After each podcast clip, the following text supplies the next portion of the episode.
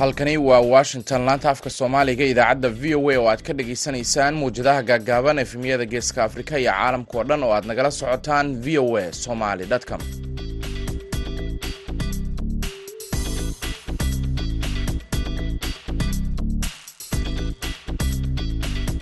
Duhur wanaagsan waa maalin axada shan iyo tobanka bisha janaayo sanadka labada kun iyo saddex iyo labaatanka afrikada bari saacaddu waxay tilmaamaysaa kowda iyo barka duhurnimo washingtonna waa shanta iyo barka subaxnimo. Idaacadda duhurnimo ee barnaamijka dhallinyarada maanta waxaa idinla socodsiinaya anigoo ah maxamed bashiir cabdiraxmaan.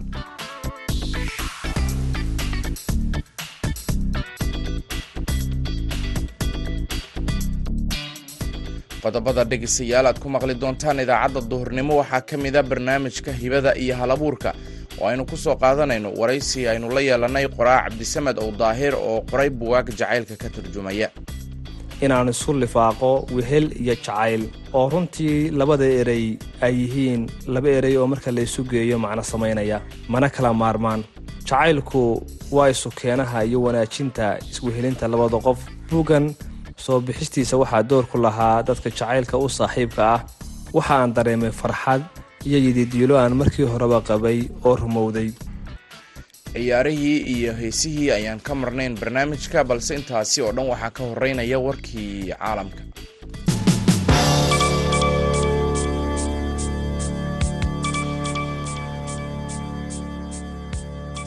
Ugu yaraan afartan iyo afar qof ayaa ku dhintay markii diyaarad ay ku burburtay gobolka bukhaara ee dalka nepal sidaa uu sheegay sarkaal ka tirsan maamulka duulista hawada ee dalkaasi waana shilkii ugu xumaa muddo ku dhow shan sano oo ka dhaca dalkan yar ee ku yaalla gobolka himalaaya boqolaal ka mida shaqaalaha gurmadka ayaa ku sugan goobta ay ku dhacday diyaaradda yeti airlines oo siday toddobaatan iyo laba qof waxaana ay ka soo duushay magaalada caasimada ah ee kathmandu.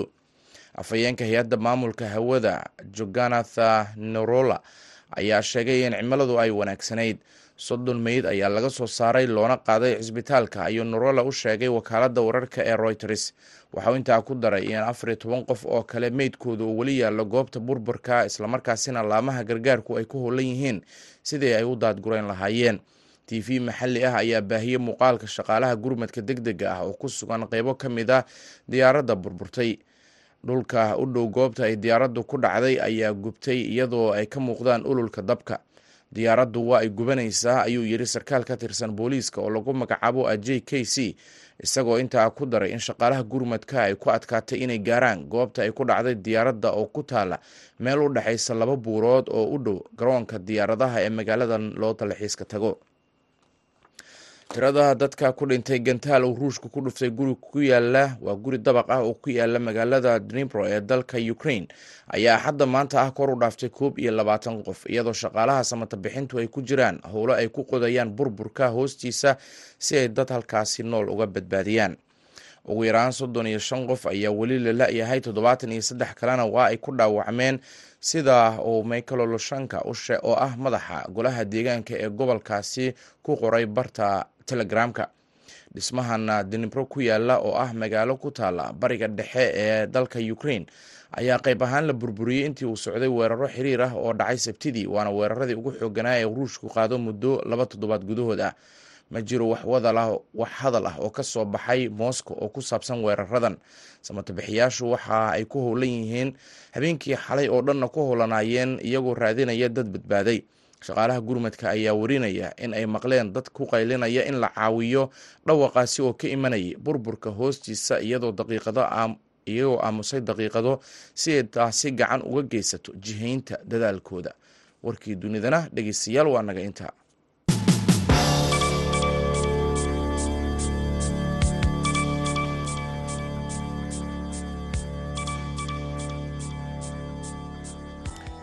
halka dhegeystayaal wararkaasi aad kala socotaan waa laanta afka soomaaliga ee v o a oo si toos ah idinkaga imaaneysa washington. Duhur wanaagsan mar kale. Haatana dhegeystayaal waxaad ku soo dhawaataan barnaamijka hibada iyo halabuurka. Waxaana magaalada hargeysa ku soo diyaarisay sagal mustafa xasan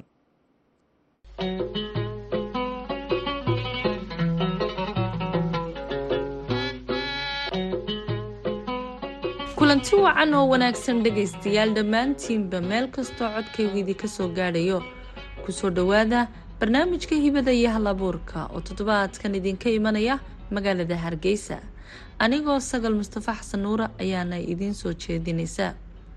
Haddaba barnaamijkeena hibada iyo halabuurka waxaa toddobaadkani marti iigu ah qoraaga caanka ah ee buugaagta caanka baxday islamarkaasina sida weyn looga hadalhayay sanadadii u dambeeyey somalilan waa cabdisamed ow daahir haddaba cabdisamed waxa uu qoray labada buug ee wehel jacayl iyo sidoo kale hadiyad jacayl. N. Cabdisamed ku soo dhawow barnaamijka hibada iyo halabuurka ee v o a. Bal marka hore hal iyo laba noogu soo koob cabdisamed waa kuma halku ku dhashay. Goor muuse uu bilaabay hibadiisa qorista waan ku dhowahay walaal waxa aan ku dhashay oon ku barbaaray magaalada hargeysa. Inaan qoro buwaagtana waxaaan bilaabay sannadkii labadii kun iyo toban. Wakhtigaas waxa aan waday buugga hadiyad jacayl. Haddana waxa soo baxay buugga wehel jacayl. Wahagaag waxaa tahay qoraaga buuggii sanadahan dambe caanka baxay ee wehel jacayl iyo sidoo kale hadiyad jacayl. Bal buuggan iyo sidaad ku bilowday haddii aad midhiya laba nooga taabto sidaa aada og tahayba anigu waxaan ahay qof ku subtan jacaylka maadaamaan hore u qoray buugga hadiyad jacayl oo ahaa buug sida qaamuuska oo kale dadka u fasiraya jacaylka. Dadkuna ay sidoo kale hadiyad ahaan isugu geeyaan. Halka buuggan iminka aan ka hadlayno ee wehel jacaylna uu dadka wehel uga noqonayo jacaylka. Yacnii buuggan waxa uu qofku ka dheefi karaa dhalandhoolka iyo dhibta uu jacaylku leeyahay marka la isdhayalsado iyo sida labada qof ay badhaadho ugu noolaan karaan haddii inta ay jacaylka beexaamiyaan ay barbarka isla qabtaan. Mowduuca wehel iyo jacayl oo israacay waa wax weyn. Siday kuugu suuro gashay yaa si kaa caawiyey jacaylka igu dhex nool oo soo burqaday ayaa sabab noqday inaan isu lifaaqo wehel iyo jacayl oo runtii labada erey ay yihiin laba erey oo marka la isu geeyo macno samaynaya mana kala maarmaan. Jacaylku waa isu keenaha iyo wanaajinta iswehelinta labada qof. Buuggan soo bixistiisa waxaa door ku lahaa dadka jacaylka u saaxiibka ah. Waxa aan dareemay farxad iyo yididiilo aan markii horeba qabay oo rumowday. Wahagaag cabdisamed waxaad ku soo bandhigtay magaalooyinka waaweyn iyadoo munaasabadahaasi bandhigana ay ka soo qeyb galeen. Lamaanayaal iyo weliba dee dadka ehelka u ah dhanka jacaylka maxaad markaan arkay lamaanayaal soo buuxdhaafiyey goobihii aan bandhiga ku qabtay waxaa qalbigay galay rajo maadaama dadkii isjeclaa ay weli dunida baaqi ku yihiin. Buugga haddii aynu milicsano mar kale ma waxaad ka qortay dadka jacaylka ku guuleystay mise dadka ku guuldaraystay qisooyin noocee ah ayaad ka qortay? Sagaley labadaba waan ka qoray maadaama jacaylku guuldaro iyo guul uu labadaba leeyahay. Waayadan dambena waxaad moodaa in jacaylka aada looga cabanayo oo sida cimilada adduunku isu bedeshay uu jacaylkii daacad ahaa yaraaday. Danaysi iyo damac kale ayaad moodaa in jacaylkii wacnaa uu dhinac kale weeciyey cabdisamed hal ama laba haddii aada nooga sheegto tuducyada ugu soo jiidashada badan ee dadku aadka u xiiseeyaan ee ku jira buuggani muxuu noqonayaa? Inkasta oo buugga waxa ku qorani wada xiise leeyihiin. Haddana waxaan ka xusi karaa qodob odhanaya jacaylka iyo dabeecadda maxaa iska khuseeya?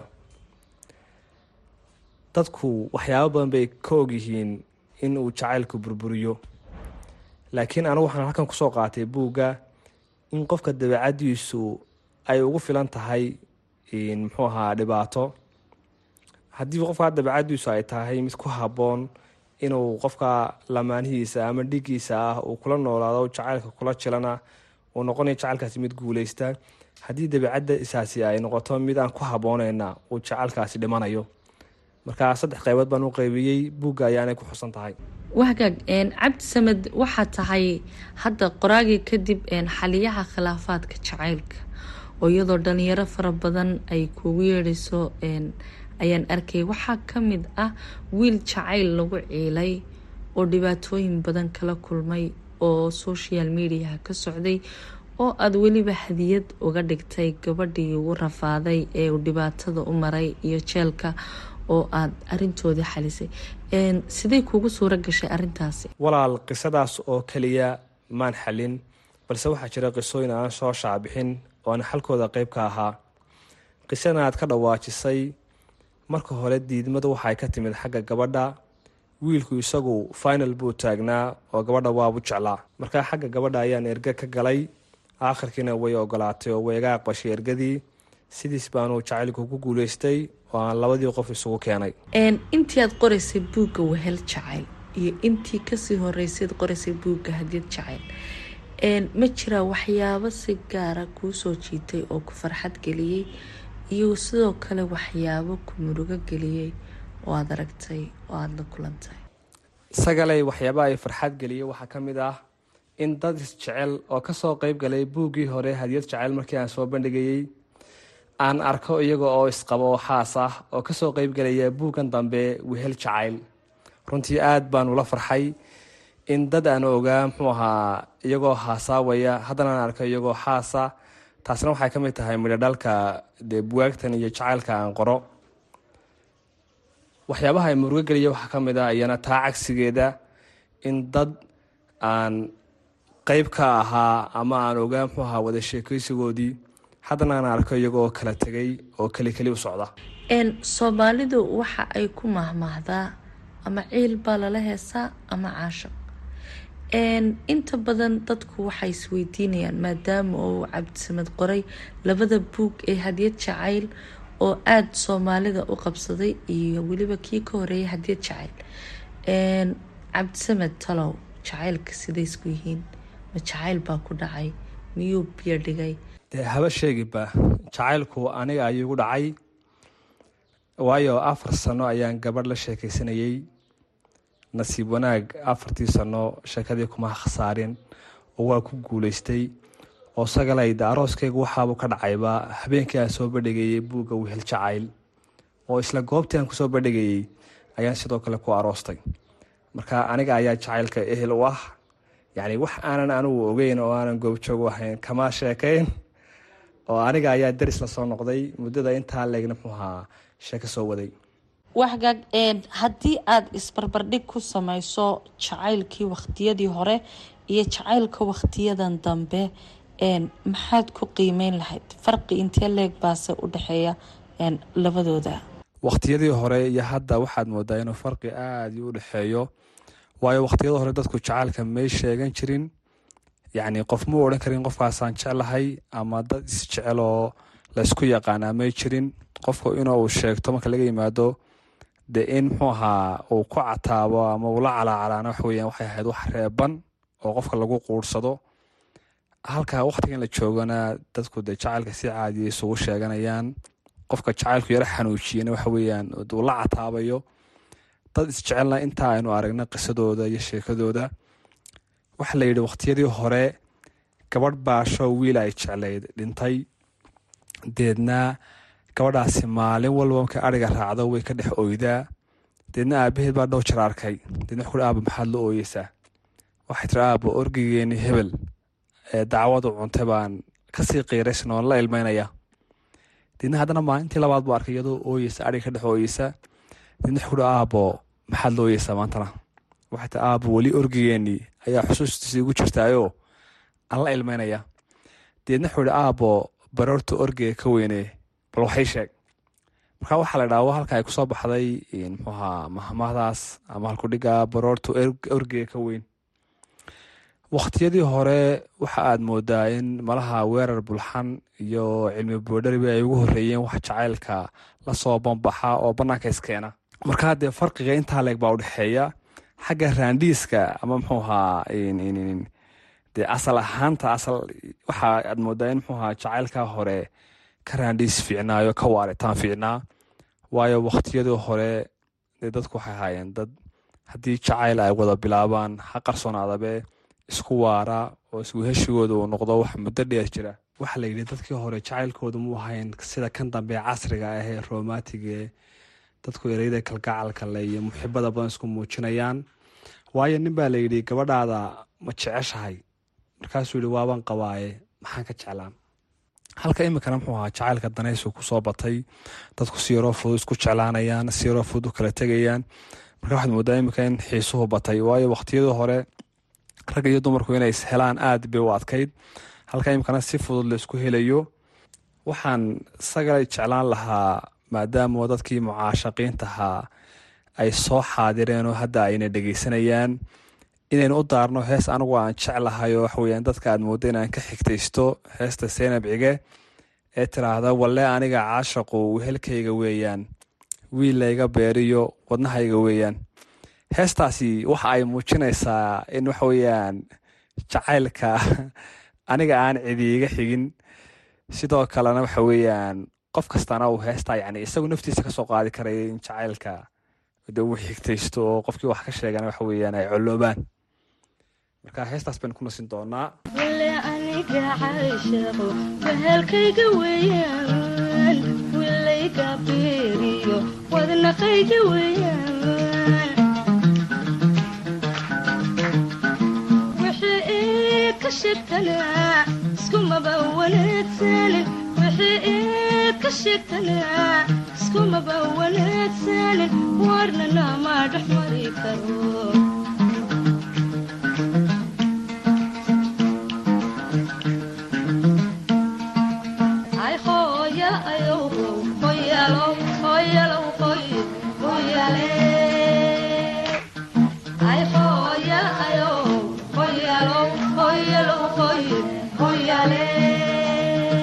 haddii aynu eegno dhanka hadafkaaga muxuu yahay? Hadafkaygu waa inaan caawiye u noqdo kuwa jacaylka u dhiban oo aan barbar istaago inta ku guulaysatana aan ku dhiirigeliyo si wanaajinta xidhiidhka iyo si adkeynta ugu dambeyntii maxay tahay fariinta aada halkani aada u direysaa dhalinyarada ehelka jacaylka u ah?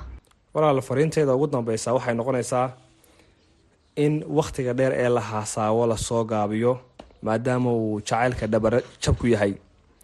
Markastoo wakhtigu dheeraado waxa weeyaan wakhtigaasi wuxuu dhibaato ku yahay in jacaylku sii jiro oo jiritaankiisa soo gaabanaya. Markaa waxaan ku talin lahaa in la soo gaabiyo xagga guurka loo ruqaansado. Waxgaaga dhagaystayaal intaasi waxaanu ku soo gabagabeyneynaa barnaamijkeenii hibada iyo hal abuurka waxaanu toddobaadkan idinka imanayay magaalada hargeysa. Waxaana marti iigu ahaa qoraaga buugaagta caanka ah ee hadiyad jacayl iyo wehel jacayl. Cabdisamedow daahir anigoo sagal mustafa xasan nuure ayaana idinla socodsiinisay. Tan iyo kulanti dambe oo xiise leh waxaan idinkaga tegaynaa sidaas iyo nabadgelyo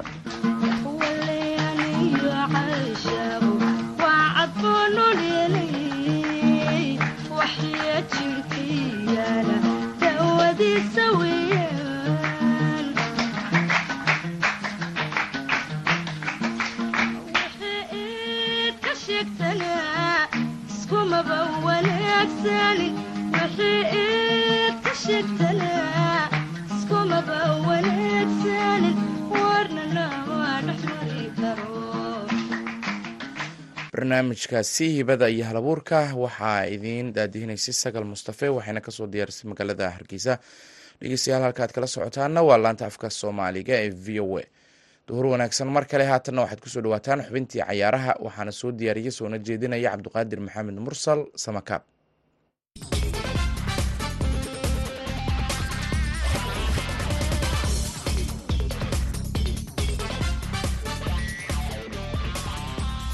kulanti wanaagsan dhegaystayaal ku soo dhowaada xubinteennii cayaaraha. Aan ku bilownaya dhegaystayaal kulamo ka tirsan horyaalka premier leaga ayaa shalay la ciyaaray iyadoo kulankii ugu adkaa toddobaadka uu dhex maray kooxaha manchester united iyo manchester city. Kulanka labadan kooxood ayaa loo yaqaanaa manchester derby waxaana uu ka dhacay garoonka old travord ee kooxda manchester united qaybtii hore ee ciyaarta ayaa lagu kala nastay barbaro eberi eber ah walow kooxda manchester united oo difaac badan ku jirtay ay abuurtay fursado goolo lagu dhalin karay.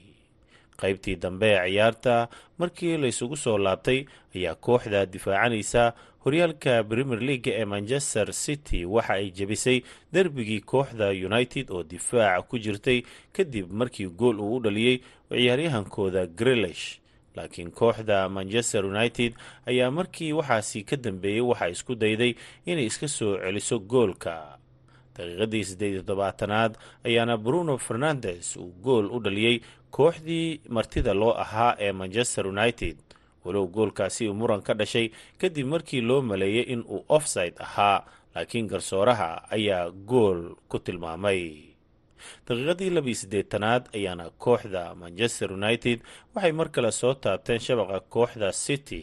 Kadib markii baas uu rashford ka helay ciyaaryahan garnajo uu gool u bedelay ciyaarta ayaa waxay ku soo dhammaatay laba gool iyo gool oo guusha ay ku raacday kooxda manchester united oo sanadkan u muuqata mid sameynaysa dib u soo kabasho waxaana guushaasi ay ka caawisay inay galaan kaalinta saddexaad ee kala horeynta horyaalka premier leaga iyagoo ka sara maray ama kaalinta ka qaatay kooxda newcastle united oo sanadkan iyadana si weyn u abaabulan kooxda bratonna waxa ay shalay xasuuqday kooxda liverpool oo garoonkooda ay ku martigeliyeen. Braton ayaa saddex iyo eber ku garaacday kooxda tababare georgian clob oo waayadan uu xaalka ku sii xumaanayo. Braton ayaa si weyn uga gacan sarraysay kooxda liverpool iyadoo oo bosishinka ciyaarta gaarsiisayna lixdan iyo afar iyo lix iyo soddon oo kooxda liverpool ay lahayd kulamada kale ee la ciyaaray waxaa ka mid a kii kooxda nottingham forest ay labii eber uga badisay kooxda leicester city. Wolfis waxay hal iyo eber uga badisay kooxda westham united halka southampton ay labiyo hal uga badisay kooxda everton. Kulamada maanta la ciyaaraya ee premier league ayaa waxaa ka mid a kan u dhexeeya kooxaha tottenham iyo arsenal. Kulankan ayaana ka mid a kulamada london derbiga loo yaqaano newcastle united waxay la ciyaari doontaa kooxda fulham ee kubadda cagta. Dhinaca dalka talyaanigana kulamo ka tirsan horyaalka sireaga ayaa xalay la ciyaaray. Kooxda ac milan ayaa barbaro dirqi ah waxa ay la gashay kooxda lecha ac milan ayaana ku sigatay in laga badiyo kadib markii labada gool ay la hormartay kooxda lecha laakiin daqiiqadihii dambe ayay iska soo barbareeyeen inter milan waxa ay hal iyo eber uga badisay kooxda verona. Monzana waxa ay saddex iyo laba ku garaacday kooxda cromonenza kulamo ka tirsan horyaalka siraaga ayaa caawa la ciyaari doonaa. Lazio ayaa u martiyeysa kooxda sisolo torino iyo specia ayaa isku aadan halka udaneza ay la ciyaari doonto kooxda bolonya wararkeennii cayaarahana waa nageynta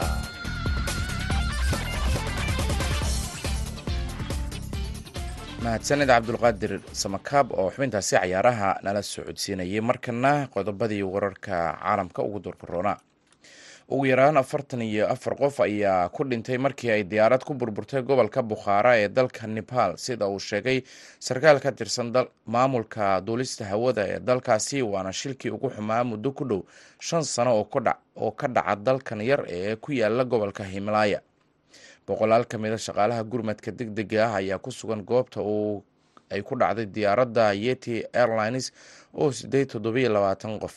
Waa toddobaatan iyo laba qof waxaana ay ka soo duushay magaalada caasimada ah ee kathmando afhayeenka hay'adda maamulka hawada ayaa u sheegay wakaalada wararka ee reuters in cimiladu ay wanaagsanayd waxaana uu sheegay in burburka diyaaradda laga soo helay goobtaasi ilaa soddon meyd ah loona qaaday cisbitaalka. Afhayeenka ayaa intaa ku daray in afar iyo toban qof oo kale meydkooda uu weli yaallo goobta ay diyaaraddu ku dhacday iyadoo laamaha gurmadkuna ay ku howlan yihiin sidii ay u daabuli lahaayeen. Telefishinka maxalliga ah ee gobolkaasi ayaa baahiyey muuqaal shaqaalaha gurmadka deg dega ah oo ku sugan goobta diyaaraddu ay ku dhacday dhulka u dhow goobta ay diyaaraddu ku burburtay ayaa gubtay iyadoo ay ka muuqdeen ololka dabka. Diyaaraddu waa ay gubanaysaa ayuu yidhi sarkaal ka tirsan booliiska oo lagu magacaabo ajey k c isagoo intaa ku daray in shaqaalaha gurmadka ay ku adkaatay inay gaaraan goobta ay ku dhacday diyaaradda oo ku taalla meel u dhexaysa laba buurood oo u dhow garoonka diyaaradaha ee magaaladan loo dalxiiska tago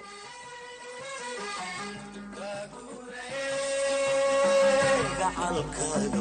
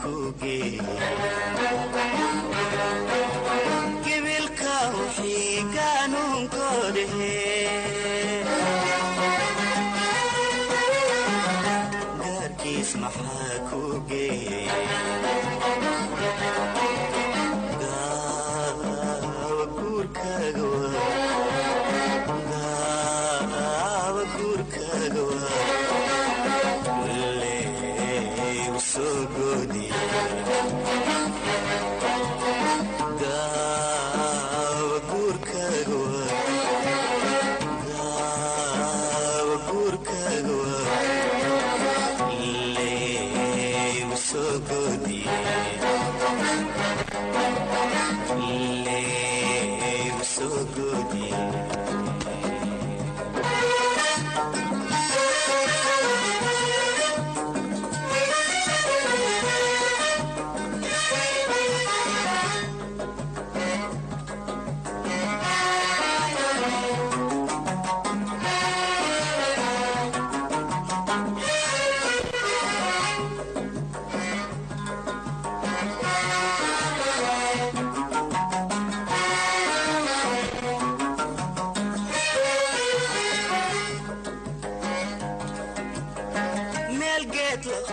Codkaasi hallaasiga ee axmed naaji wuxuu gebagebo u yahay idaacaddii duhurnimo ee barnaamijka dhallinyarada maanta. Tan iyo kulanti dambe dhegaystayaal waxaan idin leenahay nabadgelyo